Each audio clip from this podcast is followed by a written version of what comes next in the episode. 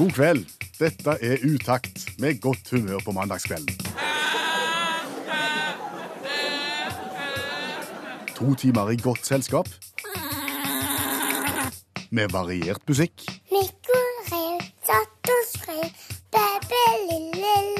Per Øystein Kvindesland. Og Bjørn Olav Skjæveland.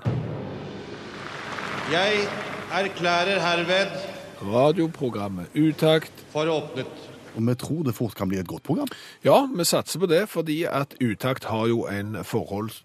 forholds mm, en formålsparagraf som består av to ledd. Og hvis du ikke har hørt Utakt før, og eksempel er på vei ned fra påskefjellet nå og velger å reise sent hjem fordi du ikke skal stå i kø, og så har du skrudd på P1, så kan vi fortelle deg hva denne formålsparagrafen er. Del én. Eh, Første ledd. Eh, Utakt skal være godt selskap på en mandagskveld. Del to. Eh, Det er at utakt skal skape godt humør på en mandagskveld. Ja. Og dette til sammen altså skal fort bli et godt radioprogram. Vi satser på det. Du, Det er de som sier at det skal bli godt å komme i gang nå, godt å komme i gjeng og komme tilbake igjen til normalen etter påskeferie. Er ikke det bare vas? Jo, det tror jeg er reinspikka vas. Pølsevev? Ja, altså den der, den der eh, Vi har hatt ferie, og siden vi har ferie, så er det viktig å bruke iallfall én dag av ferien på å komme seg hjem. Å komme i orden, liksom. Ja, Sånn at vi kan bruke den siste feriedagen til å pakke ut og sånn. Hva er det? Ferien skal nytes til siste åndedrag. Du som er på vei hjem nå inn mot midnatt, vi hyller deg. Ja. Sånn skal det være. Og vi andre som er ferdige med ferien, har jo hatt, noen av oss har jo hatt god vær. Ja, jeg, og jeg kom hjem i går. Jeg syntes det var greit å ha en dag hjemme. Så for å komme i orden. Jeg gjorde det. Gammel mann. Ja, yes. Ja. Men, men jeg sier det, altså, noen av oss var heldige med været, og vi satt der i, i hytta, og da var sola steikte på vinduet. Det ble vårligt og flott der vi satt, og hadde quiz. Og midt i quizen Ja. så hører vi en summende lyd. Litt dvask summing. Nå skal ikke jeg spørre hvordan dvask summing høres ut, men, men det er greit. Ok, det er sånn. Sånn høres ut. Så ser vi opp i lufta, opp i hyttelufta, Ja. og der ser vi det. Nei. Hva du ser? Flua. Flua kommer i sakte, lavt fly. Hun fløy lavt og sakte, Ja. og summa, som jeg sa. Ja. Og vi ble sittende og se på henne. Ja. Vi har ikke sett flua på veldig lenge siden i fjor sommer eller fjor høst. Mhm. Og vi tenkte, hvor kom hun fra? Eventuelt han. Jeg er ikke sikker på noe. Du, du er ikke så god på kjønnsbestemming av fluer. Nei. så, så hvor kom den ifra? Ja, hvor i all verden kom hun fra? Ja, kan ikke hjelpe deg. Nei, Hvor har hun vært? Jeg så, så rundt meg Er vinduene åpne. Nei. Er dørene åpne? Nei. Nei, men det er jo sånn med fluer. Plutselig er de der. Ja. Okay. Og så lurer du på hvor, hvor har de holdt hus? Ja, og, og hva var det som fikk de til å tenke nei? Takk for i dag. Komme i gang. Kom- Komme i seg. Jeg, jeg, tror jo det er et eller annet, en, det er et eller annet med fluer som har en sånn temperaturtrigger, fordi at eh, jeg husker i, i gamle dager når vi hadde i hytta som var iskalde, Ja. eh, så var det sånn at eh, etter fire-fem dager med båndfyring så kom temperaturen opp, og da kom fluene fram. Da kom de, ja. Ja, når det bare ble varmt nok, så, så kom de. Og, og jeg tror jo at de overvintrer en eller annen plass som jeg ikke har sett. Ja de kommer jo ikke fra sydlige strøk. At de, altså, de, altså, de er trekkfluer. Så de kom som fuglene. Og at det, liksom, det er trekkpapir, så trekker de. Nei, nei, men du mener at de overvintrer Jeg, jeg tror, altså, jeg har ikke greie på fluer, men jeg tror det. Jeg, jeg tror de finner seg et hulrom en plass, Ja. og så kravler de inn når de har funnet ut at nei, nå får nok være nok, du. og, og, og så legger de seg til. Og så er på en måte temperaturen en indikator på at nå er våren kommet. Det eneste som kan vekke de, det er varmen. Jeg tror det. Kan jeg fortelle hvordan det hørtes ut i den hytta jeg var i? Ja. Vi var ti-tolv mann. To av de var bitte små unger. De var syke, og de skreik mye. Ja. Og det var så mye larm og leven i den hytta. Ja. Så, så hvis noen skulle vekt flua, så tenker jeg det kunne jo vært det, men nei da. Kommer ikke da. Når det var damstilt, Ja. og, men varmt, da kom du. Ja, det, men, men det, der er du inne på en ting til. Det kan jo hende at, vet du hva, nå er det så mye leven her at nå gidder jeg ikke komme ut. Det er litt som et barneselskap, sant? Da ringer du ikke på. Nei. Da vil du ikke gå på besøk. Men når du hører at det er rolig i stua, da tenker du kanskje at du kan... Nei, men vi har ikke greie på dette. Så vi, dette her er etter det vi har grunn til å tro-prinsippet. Men jeg har hørt om frosker som kan fryse inn. Altså, de fryser fysisk inn i, i en isblokk, altså i vann eller noe sånt, og så stopper hjertet. Og så sier de takk for nå, for en stund. Og så tiner de opp igjen. Og så nei! Ja, nå er det liksom på tide. Det kan jo hende at fluer har noe av den samme egenskapen som det, bortsett fra at de nødvendigvis ikke trenger fryse inn i vann. Men det ble med den ene, så hun fikk ikke med seg kompisene. Nei, men de hørte gjerne på leven i hytta og tenkte det her gidder jeg søren ikke være med på. Jeg, jeg, vet du hva? Jeg bare tviholder på denne kroken til de har reist. Forventa til mai.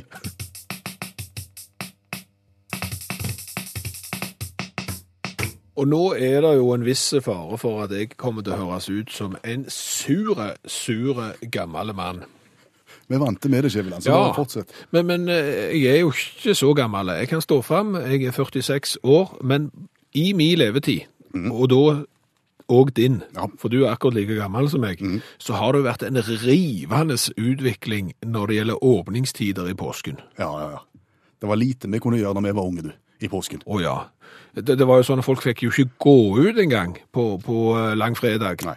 Eh, For det at da skulle det være stilt og rolig, så, så da måtte du være inne. Mm.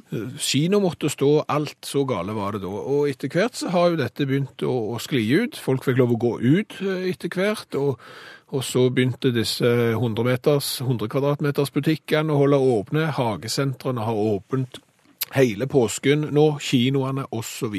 osv. Jeg tror faktisk det er mulig å danse på pinseaften nå. Hæ? Nå tror jeg du kan danse på pinseaften. Det er litt senere på året. Er det lov det nå? Ja, nå er det lov. Ok, jeg danser ingen dager, jeg hverken pinseaften eller noen andre, men ok, nei, det, du ser det sklir ut.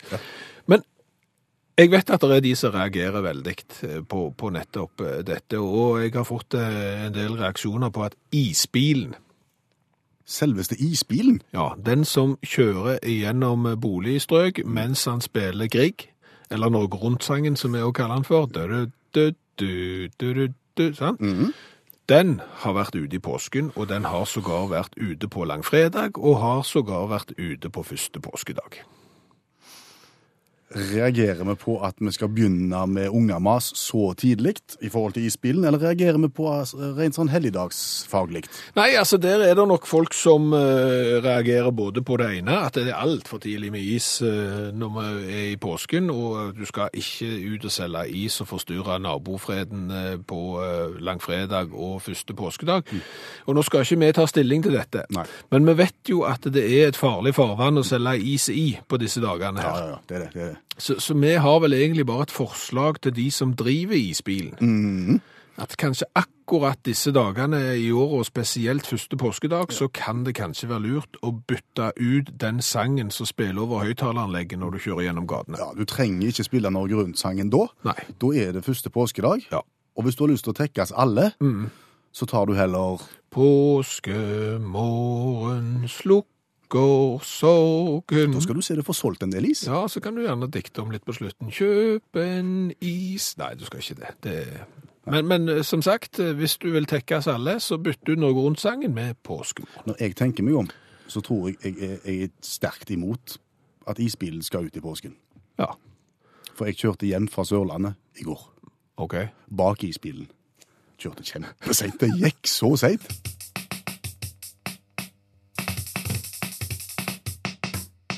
Vi er jo eh, opptatt av oppdragelse i dette programmet. Det er klart det. Hvis vi kan bidra med noe til den oppvoksende slekt, komme med gode råd, så, så vil vi jo gjerne gjøre det. Og i dag er rådet gjør leksene dine, lytt på P1, og fokuser gjerne på engelskleksene. For hvis du ikke kan engelsk spesielt godt, så kan det få konsekvenser. Ja, vi har uh, med oss et levende eksempel på, på, på litt for lite konsentrasjon i engelsktimene. Hallgeir Klink Pedersen, velkommen til oss. Jo, tusen takk. Uh, veldig glad for at du vil være med og dele din historie, sånn at vi kan på en måte få opp entusiasmen og få opp uh, si, betydningen av å følge med i engelsktimene. Du oppsøkte England. Ja, i 1991. Ja. Eh, Kan et utgangspunkt her være at du ikke fulgte så veldig godt med i engelsktimene sjøl? Ja, det, det er helt, helt bombesikker. Jeg hadde plan N, Ja, og det var de svakeste elevene. akkurat. Ja. Og så reiste du til England og opplevde følgende. Og eh, vi skulle eh, se Norge-England, eller England-Norge, på Wembley. Og du kan si det at når, når eh, 20 gutter reiser på tur, så medfører det både det ene og det andre. Eh, For min del da så, så sovna jeg på rommet Og når jeg, eh, når jeg våkna av liv igjen, så var jeg veldig sugen med røyk. Ja. Så hadde, så hadde jeg ikke fyr. Nei. Så jeg hadde rullet den ferdig og sittet med den klar, men det, og jeg, jeg hadde ikke noe til å tenne den opp med. Verken fyrstikker eller lighter eller Nei, noe. ingenting hadde jeg. Nei. Men så hadde jeg, eh, hadde jeg sto der et skilt med sånn roomservice. Ja, ja. Og da tenkte jeg at da kan jeg gjerne ringe det nummeret der, og så, og så eh, tenkte jeg litt på hvordan jeg skulle uttrykke meg. Så, men jeg tenkte jeg skulle, jeg skulle fatte meg i korthet. Så jeg bare ringte henne, jeg sa hallo, og så sa jeg feier, og så romnummeret. Og så la jeg på, og så så jeg, så og venta på så jeg venta på at de skulle komme med, med fyren. ja. Du, du, du ringte ned og sa 'Fire Room 13', for eksempel. Ja. Kom de med fyren, eller? Nei, det gjorde ikke det, men det ble, jeg hørte ei ringeklokke. Og jeg, jeg, jeg skjønte jo ikke riktig hva, hva det var for noe, men, men jeg, jeg skjønte jo da etter hvert. Og når jeg så på sengekanten med, med, med sigaretten bak øret, så, så ble det et forferdelig smell, og der var det, var det en haug med brannfolk som kom inn. Og da, forsto jeg at, eh, at jeg hadde gjerne uttrykt meg litt feil. Og, og da viser jo det at, at det, var jo brannalarm som gjedde. Ja. Og så ute på gata der så var det en 700-800 gjester som sto og venta på at jeg, jeg skulle få fyr, fyr på sigaretten. Fordi Klink Pedersen fra, fra Gjesdal kommune ikke har vært flinke til å lese engelsklekser. Ja, det, det var liksom straffa. Ja. Så til alle der ute, husk å gjøre engelskleksene. Men når du da har fått 700-800 mann ut på fortauet i, i England, så føler du deg jo ganske flau. Og det må vel lov å si at denne historien stopper ikke her, selv om engelskkunnskapene gjør det. Nei, da var det en, en, eh, en liten eh, plastikkpose med en jakke oppi. Og den hadde jeg jo klart å legge ifra meg i resepsjonen og gi ifra han. Og da gikk alarmen igjen. Altså, hadde alle blitt tatt inn igjen Ja, da hadde, da hadde alle kommet inn. Ja. Og de er sikkert de er på rommet for å gjøre seg klar til kamp, men så gikk alarmen igjen. Av mystisk plastikkpose. Ja, for de trodde det var ei bombe. Og så var det alle mann ut igjen, Da da? var det alle mann ut igjen, inkludert meg. Og jeg gjorde meg liksom ikke til kjenne at det var min pose. Jeg, jeg rusla ut i sammen med, med, med de andre gjestene der. Og rista bare på hodet hvor, hvor uh, ubetenksomme folk kunne være til, til å legge ifra seg en plastpose. Så to evakueringer på noen timer, det bør du nesten ha. Det, det ble ca. et par timer på, på, på de to evakueringene. Thank you very much, Helge Klink Pedersen, and good night. Good night.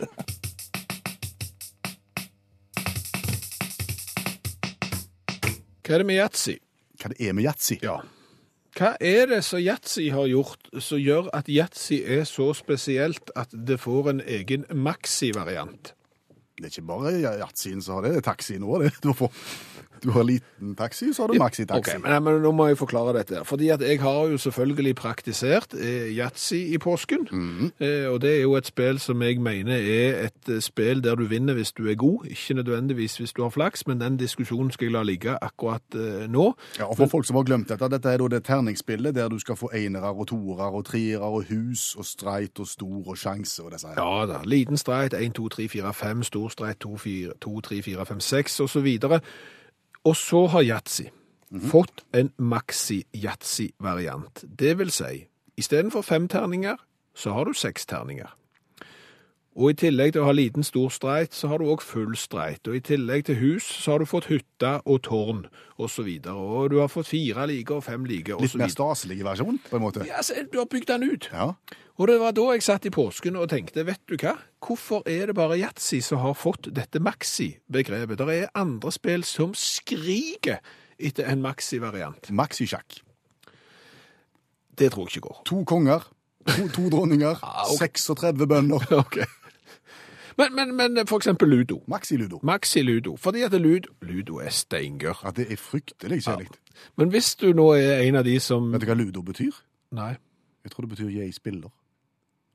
Å ja. Hva Volvo betyr da? Jeg ruller. Ok. Nei, nå spurte vi av. Ja, nå spurte vi av. Men, men tenk deg da, eh, Ludo har jo da plass til fire spillere. Kunne jo enkelt vært bygd ut, eksempel til åtte. Ja, ja. Kunne vært Maxi Ludo. Hadde vært like kjedelig for det, men, men det er jo ikke poenget. Faktisk kjedeligere, for det hadde tatt lengre tid. Ja. Eh, Så har du for eksempel eh, Monopol. Maxi-monopol. Maxi-monopol. ja, en liten sidevei ut av Nobels gate. Kunne gått, eller du kunne for eksempel sagt at istedenfor å ha 10 mellom eh, på langsidene, så kunne du ha 20. Kunne du også hatt moteller i tillegg til hotell? Det kunne du hatt, sant? Og, du kunne hatt langt flere jernbanestasjoner, dampskipsselskap osv. osv. Eh, ingen problem. Og da eksempel bygd ut monopol til maksimonopol. Da hadde monopol tatt istedenfor 14 timer å bli ferdig med, tre uker. Maxi-risk. Ja. Du kunne hatt hele verden og litt til. Ja. For eksempel. Men, men, men, men eh, det er helt alvorlig, dette her. Nei, det det. Jo, det er det. Og det spillet som jeg har falt ned på, at trenger en maxi-variant mest av alle, La meg gjette. Et tips? Et hint? Scrabble. Nå sa jeg det var ikke et hint, det var ikke et hint engang. Eh, Hintet er Scrabble. Maxi-Scrabble. Scrabble Scrabble er et spill der du har syv bokstaver, og så skal du bygge ord. Og så bygger nestemann et ord, og så skal du bygge på hans ord, og så får du poeng. Eh, Vi spilte da Scrabble og var fire mann. Det vil si at etter noen få omganger så var det jo ikke flere bokstaver igjen. Nei. For vi var bare vi var fire mann, og, og dermed så forsvinner bokstavene fryktelig, fryktelig fort. Men det er jo bare 29 i alfabetet. Ja, ja, men det er jo masse bokstaver. Det er mange e-er, for eksempel, Ah. og bare én æ og sånn. Men, men, men hadde du da for eksempel hevet oppi dobbelt så mange bokstaver og gjort eh, brettet, selve brettet du spiller på, dobbelt så stort i en maxi-scrabble-variant, så kunne du brukt det når du var fire, fem, seks mann. Det hadde vært mye mer interessant. Så nå, Gründeridé. gründeridé, Ja. kjære spillprodusenter, nå vet ikke jeg hvem som står bak Scrabble. Det er en dam, Det er sikkert. sikkert dam. Det, nå forventer jeg at det ikke blir damstilt når jeg nå kommer med dette forslaget. Nå får dere sette dere ned på I, dam, tegne, I dammen. og så får dere utvikle et maxi-scrabble med dobbelt så mange bokstaver og dobbelt så stort brett. Basert på den kunnskapen at fire, fem, seks, syv mann kan òg ha det gøy med Scrabble samtidig.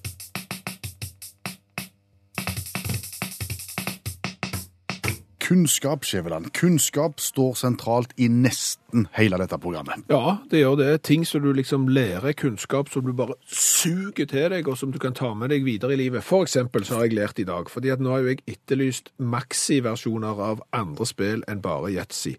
Eh, Så tuller, tuller du litt, og så sier du ja, men hva med Risk, som jo er et spill der du kriger på absolutt hele jordkloden. Ja, jeg vil ha maxirisk. Eh, Fins Risk 2210. Eh, Da kan du til og med krige fra månen ned på jorda. Sant? Så der ser du, da har vi lært det. Og så har vi lært om fluer. Jeg observerte flua i, i påsken som kom deisende fra, fra intetsteds hen. Vi lurte på hvor, hvor i all verden kom han fra, og hva var det som vekte han. Jo, sier Per Jarle, eh, fluene ligger i klaser under takåsene eller takstolene for å holde varmen gjennom vinteren. I tillegg så ligger de inne i sprekker i dørkammer og vinduer, og kommer fram når de kjenner lunken av varmedager. Det ser du. Så har vi lært det. Og for å gjenta det igjen, kunnskap er kjempeviktig. I nesten hele programmet. Ja, eh, når det kommer til konkurransen i utakt, så trenger du ikke kunne noen ting. Nei. Der, der kan du være smart som bare det, eller dum som bare det. Det betyr ingen verdens ting, for uansett så får du den samme premien. Og hvis du sy- syns at det hørtes ut som et artig konsept, og nå trenger du ikke jodle mer, for jodling er ikke så kjekt. Jodling er kjekt en liten stund. Men hvis du har lyst til å være med på en konkurranse der du vinner uansett om du svarer galt eller rett, så melder du deg på med å sende en SMS til 1987, start meldingen med utakt, og fortell hvem du er. Ja. Det er det eneste vi forventer av deg i kveld. Og hvis du klarer å skrive navnet ditt rett og, og fortelle oss hvem du er, så, så er du for så vidt kvalifisert til kunnskapskonkurransen vår. Verre er det ikke. Vi begynner ca. 5-6-7 minutter over 11, så du har god tid på deg. Men bare kom i gang og meld deg på nå. Det er mange som har lyst til å være med på dette, her, så still deg i kø.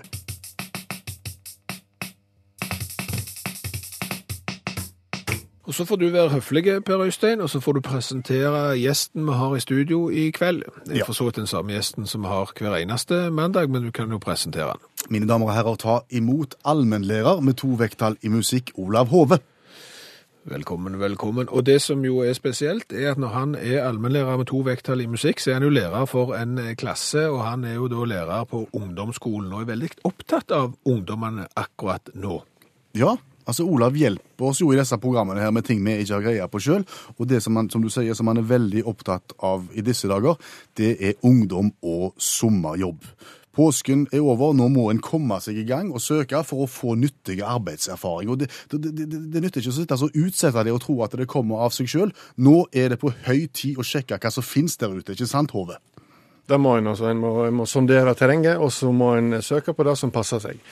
Eh, og nå har jeg gjort det for ungdommen, så nå eh, kan de bare lytte til dette her, og så, og så kan de da søke ut ifra. Du, du har søkt opp hva som finnes der ute? Ja, jeg har tatt litt utgangspunkt i en sånn trend som ble starta i 2013, når hotell Finn i Helsingfors eh, søkte etter profesjonell sover. Eh, altså en person som kunne sove i alle sengene på Hotell Finn, 52 i tallet, og skrive blogg om opplevelsene sine. da. Eh, dermed så ble det starta en slags trend, da, kan du si, eh, når det gjelder litt merkelige jobber. Og da vi, vi begynner med jobb nummer én, som er i England. og, og det er en sånn jobb som internasjonale ungdom kan søke av.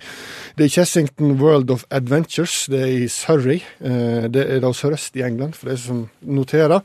De søker etter lat ungdom.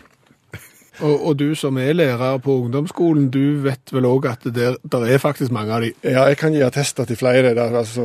Um, grunnen til at de søker lat ungdom, da, er at de skal ha et såkalt pandemonium-show i denne her Chessington World of Adventures. da. Det er et show der, du skal, der det skal, skal dreie seg om pandaer, og de vet jo at en, det er litt vanskelig å dressere pandaer til å gjøre ting uh, innenfor showbusiness, og det er heller ikke lov å Det er så få pandaer, vet du. De kan ikke begynne å styre med dem og trene dem opp til å gå i bastskjørt og den type ting. Så Derfor så, så, så søker de etter sløve ungdommer som kan sitte i skyggen og, og late som de spiser bambus hele dagen, før de da våkner til live i en kvart til 20 minutters tid og er med på et slags danseshow iført eh, pandauniform. Kravet her er at du er i stand til å sløve hele dagen. Eh, At du er i stand til å late som du spiser bambus. Mm, At du tåler lukten og synet av pandabæsj, for en skal jo være autentisk med her må vite. Eh, Og at en klarer å, å, å prestere som latsabb i svært varme klær, ofte i svært varmt vær. Over en litt lengre periode. Over en litt lang eh, periode. Ja. Hvor, hvor mange eh, pandaer trenger de? De, de trenger ca. 20 pandaer, i turnus dette her, da, sant? Eh, men 10 pandaer i, i, i aksjon hver, hver, eh, hver dag. Um, blir audition nå utover våren. Uh, de åpner faktisk rett etter påske nå, men, men det er mulig fortsatt å få jobb. Det står i søknadspapirene at det er bonus om du er fargeblind, som en panda. Uh, og hvis du klarer å leve et høyfiberdiett på 14 kg bambus per dag, så er det òg uh, et pluss. Um, og da, eh, da tror jeg kanskje det er en spøk, men iallfall eh, lat ungdom søkes til Surrey, altså. Det er jo litt rart å tenke seg hvordan den der auditionen egentlig blir. Gå bort i hjørnet der og gjør ingenting. Ja, helt strålende. Ja. Og når vi snakker om panda, Ja. Eh, så, har, så har altså National Zoo i Washington ledig jobb som eh, de vet, Jeg vet ikke om de er så kjente med sykluser og sånt eh, til panda, men det viser det at de er jo bare tilgjengelige for forplantning en gang i året. Ofte så lite som bare ett døgn. Så her skal det teimes noe gyselig. Det er ikke rart det er få av de. Så derfor så har National Zoo en såkalt eggløsningsovervåkingstjeneste som du kan søke på. Det er klart det her skal det, det må være fagfolk skal kunne overvåke ordentlig en eggløsning, men de trenger jo assistenter, må vite.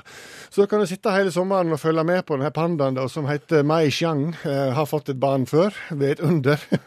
For Tian Tian han, han er ikke spesielt sterk på prestasjon. Og hvis du er tilgjengelig kun ett døgn i året, og du i tillegg presterer dårlig, så er jo oddsene meget svake. Viser seg det at når, når, når, når denne pandaen er klar, som kan skje på en sommerjobb, men du vet jo aldri, det er mulig du bare sitter der og fyller syklusen, eh, eh, så skal du da stimulere òg hannen til å prestere. Og da er det faktisk, og nå tuller jeg ikke, men det finnes noe som blir kalt for pandaporno, altså som de viser da elskende pandaer til hannpandaen for å få gang på han. De har òg gitt denne her Tian Tian Viagra. Eh, og, og, og i det hele tatt en uhyre spennende jobb ved National Zoo. Eh, viktig òg at du utfører disse oppgavene her raskt. Som sagt, syklusen går seint. Og i tillegg da uten at du hisser opp eh, pandaen, eh, bortsett fra at du skal hisse dem opp. Um, Så her gjelder det å gi en håndsrekning på rett tid, for å si det sånn. helt korrekt. Eggløsningsovervåkerassistent der, altså. Yes.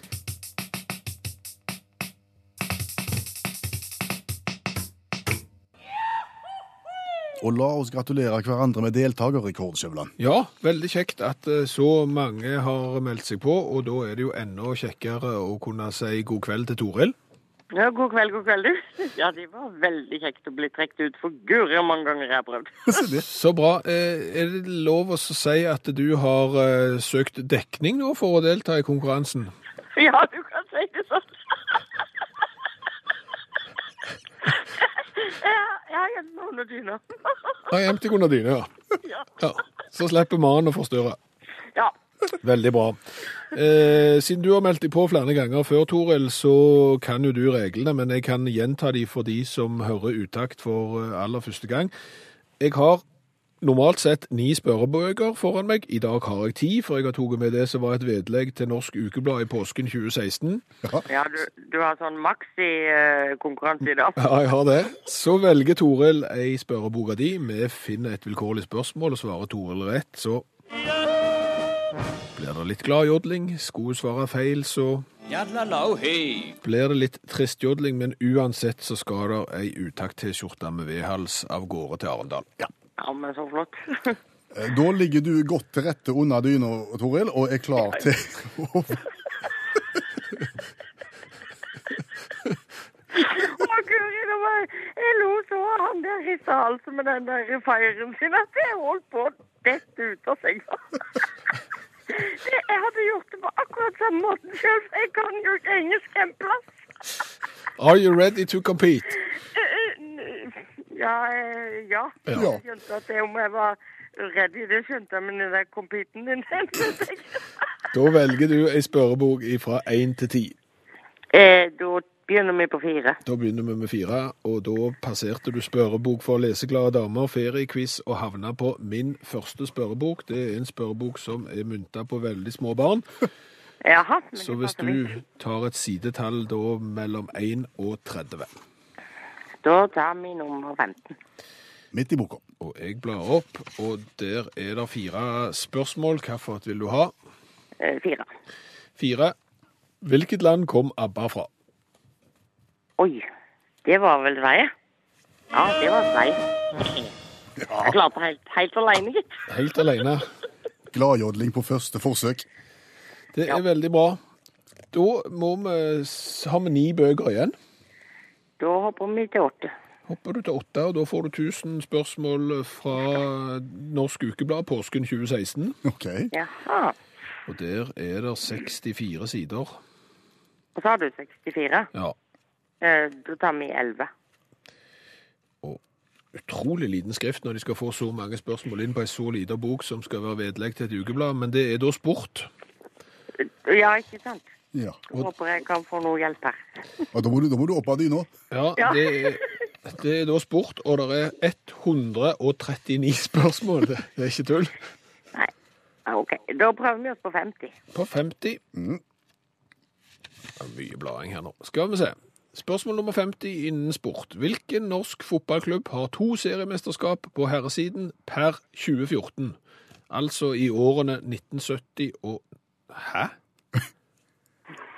OK. Nå gikk du videre på fasiten. Nei, nesten. Jeg gjorde ikke det, altså. Men hvilken norsk, en norsk fotballklubb har to seriemesterskap på herresiden i årene 1970 og 2013? Det, det må jo være Rosenborg, vel? Oi. Ja, Kom det utsideinformasjon nå fra utsida av dyna? Ja, jeg bare hører bare nei. Det svarte Rosenborg. Jeg vet ikke hva han hadde tenkt å foreslå. Men... Hva, hadde han ut forbi dyna tenkt å foreslå? Og hadde... Lill... Lillestrøm? Nei. Nei, det du får Gå ligg gal med du, ja. Strømsgodset. Strømsgodseskole. Yes. OK. Hva gjør hun Toril på når hun ikke ligger under dyna og er med i konkurranse? Nei, hun er temmelig uføretrygda og blind, kan du si. Så det at uh, hun driver ikke med så veldig mye. Nei. Men jeg hører veldig mye på radio, så jeg har fryktelig mye glede av radioen. Ja, men så godt. Det er det. Så jeg tenkte på det i stad med det engelsktullet mitt, vet du. For jeg jobba i uh, NB radio her i Arendal tidligere. Og så skulle vi spille en sang som heter Deck of Cards. Aha. Så sa jeg det til han som jeg jobba med. Da visste jeg at jeg tulla, da, for så vidt. Men jeg bare sa det til han. Det betyr dekka på bilen, det. sa jeg. Det er gysla god engelsk. Can you pick a book from number one to eight? Eh, Ja, ikke sant. Eh, Ti. Fra én til åtte og havne på ti, det er ikke verst. Det, Ja, men jeg har gått på fire og åtte. ja da, men det er veldig bra. Vi tar eh, barnas egen spørrebok, eh, som er fra 1965. Og da kan jo du 65. Ja. Og hvis du da velger et sidetall mellom 1 og 48, Da tar vi 17. da er vi på fem av hvert. Og der er det 22 spørsmål å velge i. Fem av hvert, ja.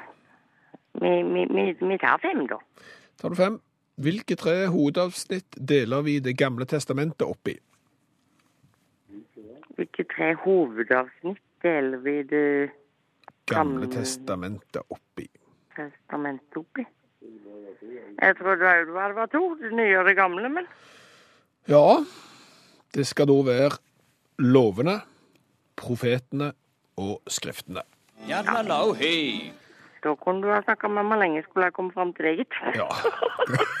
For denne, og for å si sånn, denne spørreboka er så gammel at eh, hovedstaden, i, hovedstaden Teheran den er da i Persia. Så det er en stund siden den ble gitt ut. Ja, den ble kom ut et år før min tid, så det, at det er derfor ikke visste det, vet du. Toril Espeland Hadeland, det har vært en fornøyelse å ha deg med i Utakt sin konkurranse. Jo, takk og like måte, holdt jeg på å si. Det var kjempe, kjempekoselig at dere ringte. Nå kan du krype ut fra dyna. Hils mannen. Ja.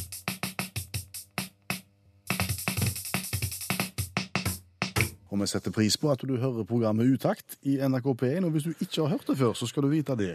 At antageligvis så er vi det radioprogrammet, iallfall i Norge, som har smakt på flest ulike typer cola. Jeg tror vi sier verden, jeg. Ja, Vi skal ikke nøye oss med Nord-Europa, da? Nei, vi gjør ikke det. Vi sier verden. Ok. Og så viser det seg om vi har feil eller ei. Da hører du på det programmet som i verden har smakt på flest varianter av cola. For det er en enorm jungel der ute av colavarianter. Og så spør du deg gjerne hvorfor i all verden har disse uttakkguttene begynt med det. Eh, Svaret på det er jo fordi det er tøft. Ja. Men eh, det vi gjemmer oss bak, som vi bruker som motivasjon, det er å si at eh, dere nordmenn, vi nordmenn, vi er jo et reisende folk. Og, og vi drar til land etter land, og da må du jo vite hvilken cola skal du drikke i hvilket land. Forbrukerjournalistikk kalles det. Ja, For da er ting som er helt udrikkelig, det har vi tatt opp. Og det er ting som er veldig godt. det har vi også tatt. Og alt dette er samla på vår Facebook-side, så der kan du gå inn etter hvert og se det vi har smakt på, hva vi har gitt god karakter, og hva vi har gitt dårlig karakter. Og alle flaskene samler vi i ei svære hylle som jeg sitter og ser på nå, og den er så full at den må bygges ut. Ja, og i dag Ja. så må vi bare rette en takk til Ragnar Myklebust, som har vært i Japan og kommet tilbake med Hiroshima-cola. Ja. Den høres jo i utgangspunktet litt nifs ut. Ja, men, men når du ser på han, så blir han plutselig veldig eh, ufarlig. Det er da ei glassflaske, ei flott eh, glassflaske med skrukork, en litt eh, burgunder-etikett med bilde av karpefisk på, eh, japansk tempel, og det står eh, Hiroshima-cola, og så tror jeg de har lyst til å være litt amerikanske, de som har lagd den, fordi at de skriver «A drink to make Hiroshima fresh up». Akkurat. Og, og når jeg har vært inne på, på hjemmesida deres, så tror jeg òg at oversettelsesprogrammet på internett har spilt i et lite puss, for dette er da en cola with Hasaku Orange Fruit Juice of Product in Hiroshima. Og hør nå med. Cola and flavor of slightly bitter Hasaku Orange to go berserk, and to include no spread in mouth.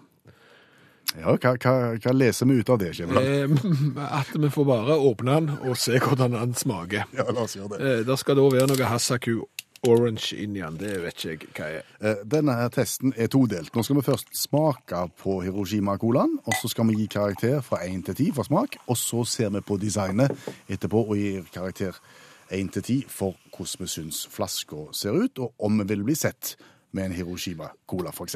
Den er ikke kålsvarte, denne colaen, men han har definitivt eh, kullsyre i seg, i motsetning til den vi smakte fra Salomonøyene sist mandag. Det Ja. her er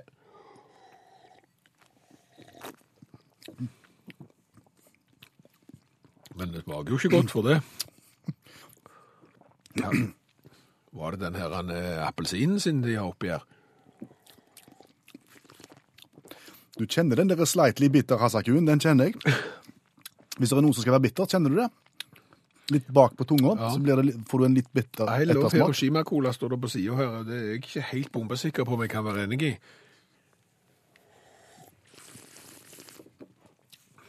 Nei, altså sma Smakmessig så er dette en katastrofe. Det er ikke annet å si. Jeg tror jeg vil gi terningkast to jeg, til, til, eh, til Hiroshima Cola. Ja, det er Smak. såpass, For å si det sånn, jeg elsker jo kullsyre, og her har de vært såpass romslige med kullsyre at jeg gir fire. Du gir to. Og da er det notert. Og så er jo spørsmålet hvor kult dette her er, og det er kjempekult. Ja, det vil jeg også si. Jeg skulle akkurat til å si akkurat det samme. For, for øh, designet er flott, etiketten er kul. Ja, skrukork, alt er tøft, og de har ikke gått i fella, de som lager Hiroshima-cola, eh, til å prøve å kopiere den amerikanske colaen. Her er det nesten Den ligner ikke på noen ting annet. Nei. Den er kjempebra. Jeg gir terningkast eh, Terningkast heter det. Jeg gir karakter åtte, tror jeg, Ja. på designet. Det er jeg helt enig i. 8, 8, 16 pluss 6, 22.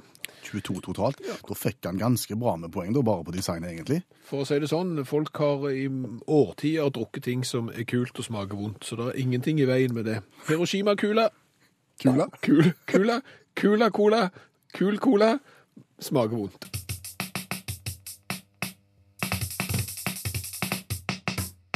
Og vi var vel flere som eh, natt til søndag sto opp klokka to på natta for å stille klokka. Ja, det er jo et eh, mareritt. Eh, Når du akkurat har sovna og sovet på det tyngste, så ringer vekkerklokka, så er det å stå opp og stille klokka én time tilbake. Eller fram. Var det det vi gjorde? Det var det vi gjorde. Ja, der ser du. Jeg klarte ikke å huske det engang, fordi jeg var så trøtt at jeg gjerne stilt den feil. Jeg. Og det som er så rart med den ene timen, som vi da forandrer enten fram eller tilbake, den kan rote til et helt familieliv. Ja, Den kan det. Den kan det. Ja. Og det er helt eh, merkelig hvordan denne ene timen her kan eh, klare å, spolere en dag, ei uke og flere uker. Ja, for jeg tenker at eh, unger, for eksempel, det, det er jo litt variabelt hva tid unger legger seg vanligvis. Det kan være en time i forskjell på, fra en tirsdag til, til en onsdag. Men når en har fått gjort dette her, og skal vekke de neste dag, Med sommertid du tenker på? Ja. ja. så er det tull og tøys. Så blir en trøtt, eller så får en ikke sove, eller så, så påvirkes det på en eller annen Jo, rar måte. jo, jo, men det er jo sånn med unger. Eksempel hvis det er nyttårsaften, og de er seint, seint oppe. Ja. Og har kommet over den der kneika når de er kjempesure og overtrøtte, og så bikker det midnatt, og så er de våkne en stund til, og så går de og legger seg. Hva tid våkner de da dagen etterpå? Kjempetidlig. Ja, nøyaktig på det samme tidspunkt som dagen før, når de la seg klokka ni, eksempel. Og dermed så kommer denne sommertida og ødelegger alt. Og hvorfor i all verden skal vi ha det? Jeg vil si det er jo ganske mye kjekkere at det blir en time lysere på kvelden. Ja, ok da, men la meg nå snu spørsmålet da. Hvorfor i all verden kan vi ikke bare ha ei klokke da, og det kan være sommertid eksempel hele året? Ja, det er jeg enig i. Da Det- kunne vi hatt det litt lysere på kvelden Altså, det her året. er jo Benjamin Franklin på sitt aller verste. Tid er han på sitt beste? Ja, det er når han eksempel finner opp lynavlederen ved hjelp av en drage. I hvert fall mytene vil ha det til det. Og han er jo ikke så verst heller når han regjerer borte i USA, Benjamin Franklin. Men når han da så tidlig som i 1784 setter seg ned og skriver et essay og foreslår sommertid, det er der det går skeis. For etterpå så har jo verden fulgt etter. Som lydige sauer. Ja, altså, jeg, jeg må bare berømme Island her, og jeg må få lov å berømme Russland. Dette er nasjoner som tør å stå imot. Ja, Russland står kanskje litt mye imot alt, eh, så de trenger gjerne ikke så mye berømmelse. Men, men i 2011 så beslutta Russland å ikke være med lenger på sommertid. Og, og, og det voksne til Island har visstnok ikke vært med på det i det hele tatt. De syns det er noe rrr, Kanskje islandsk. Rolpekopp. Ja, så, så, så dette er, er viktig. Eh, Vi, vi vil vel egentlig at dette bør eh, tas opp rent politisk. Ja, altså, om, altså, jeg vil jo si at er sommertid hele året, eventuelt vintertid hele året. Nei, nei egentlig ikke det heller. Sommertid hele året, men én fast, ikke bytte. Ja, altså klokka skal være tolv, Uansett hva dag du våkner, hun er tolv. så, så skal være tolv. Og her må politikerne ta ansvar, for det er jo faktisk sånn at det viser seg at nasjoner som har despoter, har riv ruskende galne styre, folk som styrer, de er i stand til å si at dette her er for dumt. Og, og, og det, vi må også snart nå i et demokrati være voksne nok til å si at dette vil vi ikke ha. Vi gidder ikke våkne til dette den ene dagen og den andre dagen når vi bytter, og så har jeg glemt ut, skrudde jeg den fram. Hva er jo klokka nå?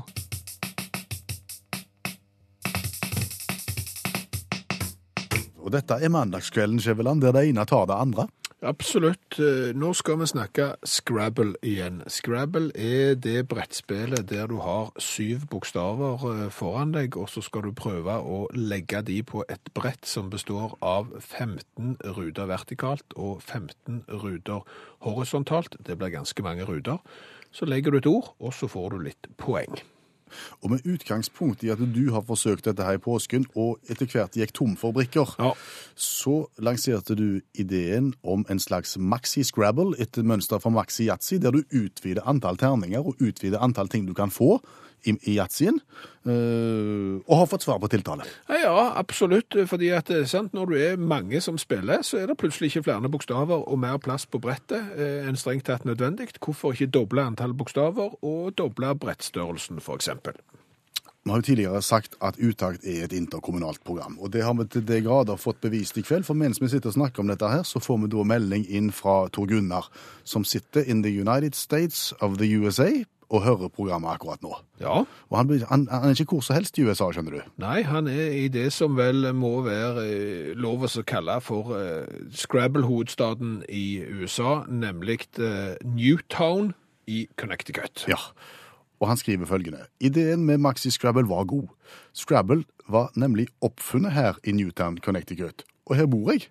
Så kanskje det hadde vært en idé for meg å fortsette tradisjonen og oppgradere Scrabble til en versjon 2.0, som, som dere sa, eller eventuelt Maxi Scrabble. Det håper vi virkelig at eh, Tor Gunnar går løs på nå. I 1948 så bodde James Brunot i eh, Newtown, Connecticut, og var med på å skape dette spillet som har blitt en gedigen suksess over hele verden, med 150 millioner solgte eksemplarer og gitt ut på 29 språk. Tor Gunnar kan nå bli mannen bak Maxi-Scrabble. Ja, gå og bank på du, Tor Gunnar, og så si hva du har hørt i radioen, og, og lanser ideen din. Gjør det.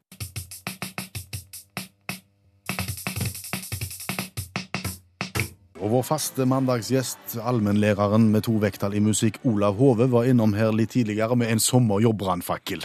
Ja, fordi han er jo lærer for eh, elever i ungdomsskolen, og de bør, ifølge Olav Hove, snart komme seg ut og skaffe seg sommerjobb. Det er ikke mer enn tida og veien. Nei, hiv deg i gang, og Hove har flere forslag til hva det går an å søke på.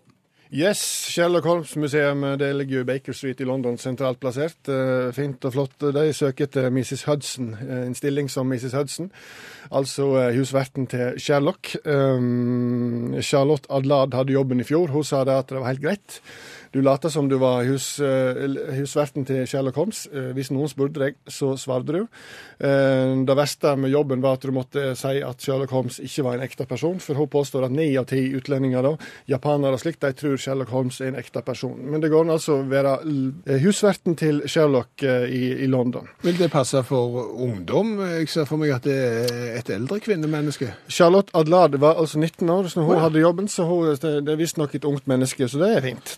Elementært. Ex elementært. Express Personnel Service i Oklahoma City de, eh, de eh, lyser ut jobber for en såkalt påsitter. Eh, Det er jobben på, eh, går på å sitte på med en varebil i hele sommer. Eh, varierende varebiler, selvfølgelig. da. Oklahoma City sliter jo litt med trafikkproblematikk, men så har de sånn egne to felt på motorveiene for de som kjører flere i bilen. Skjønner du? Å ja. Vareleveringsfirmaene ønsker å utnytte dette her, og søker derfor etter en påsitter. 11 dollar, sånn rundt 100 kroner timen kan du tjene på å sitte og kope i en varebil eh, hele dagen lang. Det Eh, tenker jeg er bra i USA. Der er det jo noen som har sittet i ro før. For langt mindre enn eh, en hundrings. Ja da, brede rumper oppfordres til å søke. Dette her er faktisk noe som er blitt adoptert videre til Jakarta. Jakarta er jo en plass der bor 30 millioner mennesker sånn rundt regna. Har veier som er beregna på 23 000, eh, noe som medfører visse problem. Og dermed så er, er dette her, har de òg bygd ut i sånne, sånne filer. Da. Og dermed så har det oppstått eh, profesjonelle haikere da, som blir tatt opp, og kan, så, så vi kan kjøre i disse her filene. da.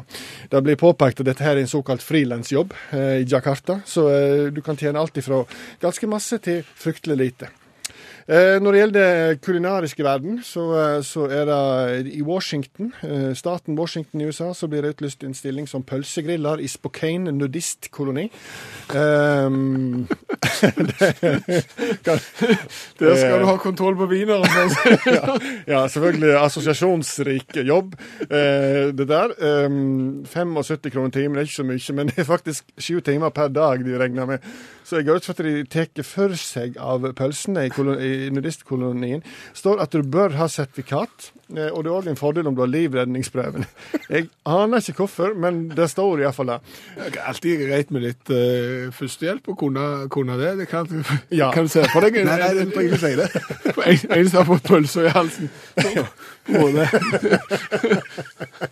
Og da tenker jeg, eh, jeg tenke, Hvis du først er i staten Washington og har gått på, på, på eh, jobbintervju og ikke fått jobben i, i, i nudistkolonien, eh, så finnes det flere jobber der. Og hvis du reiser til Bremerton i samme stat, eh, så er det et oppdrettsanlegg der. Så for 60 kroner timen så kan du rett og slett få jobb som såkalt lakseforvirrer. Eh, En eh, ja, paralysator av, av, av laks. Eh, det viste seg at eh, Dette visste ikke jeg, men de merka laksen sin.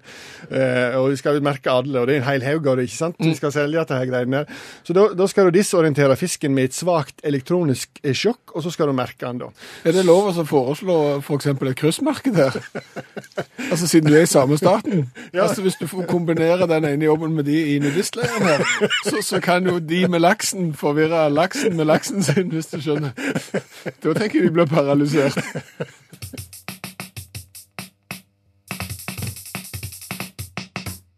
For Utakt er et eh, radioprogram som er ganske svært i Tyskland.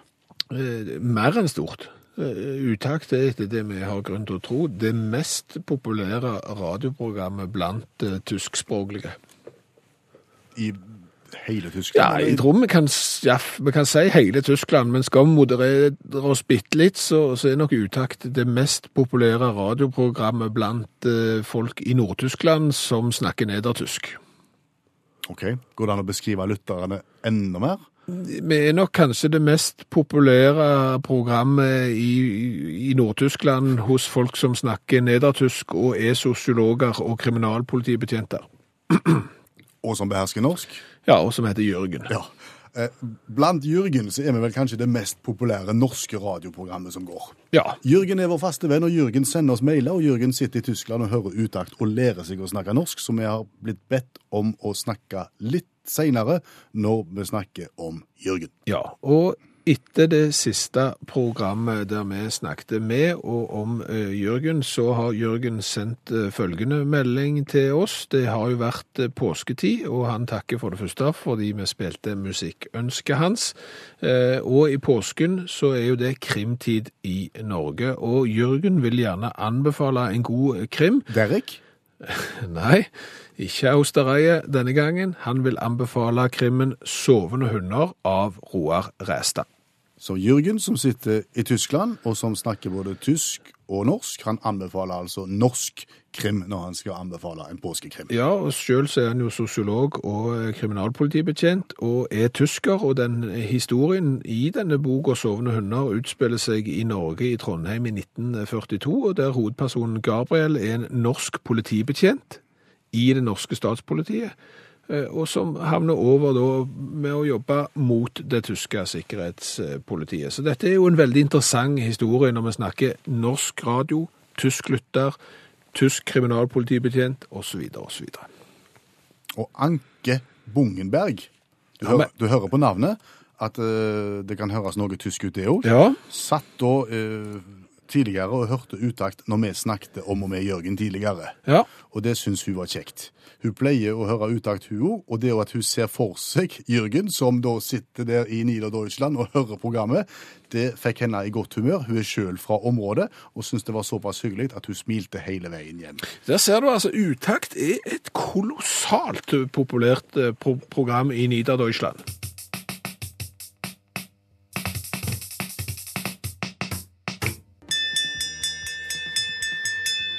Utakt leser høyt fra boka 'Norges morsomste vitser'. De beste vitsene fra NM i humor. Avlysning. En gjest på en restaurant var misfornøyd med maten og klaget til kelneren. Denne ble fly forbannet og ba gjesten nokså ettertrykkelig om å dra til helvete. Deretter tilkalte gjesten hovmesteren og fortalte hva kelneren hadde sagt. Hovmesteren tok kelneren for seg og sa at slikt kunne man ikke behandle en gjest. Du får vær så god å gå og ta tilbake det du sa, formante hovmesteren. Da gikk kelneren motstrebende bort til den misfornøyde gjesten og sa. «Eh, Du, eh, den eh, reisen jeg foreslo i sted, den blir det dessverre ikke noe av.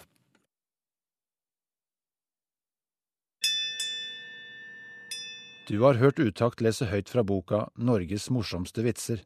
De beste vitsene fra NM i humor.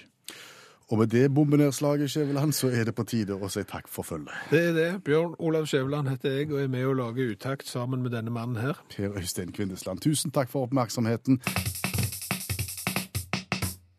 Hør flere podkaster på nrk.no podkast. NRK P1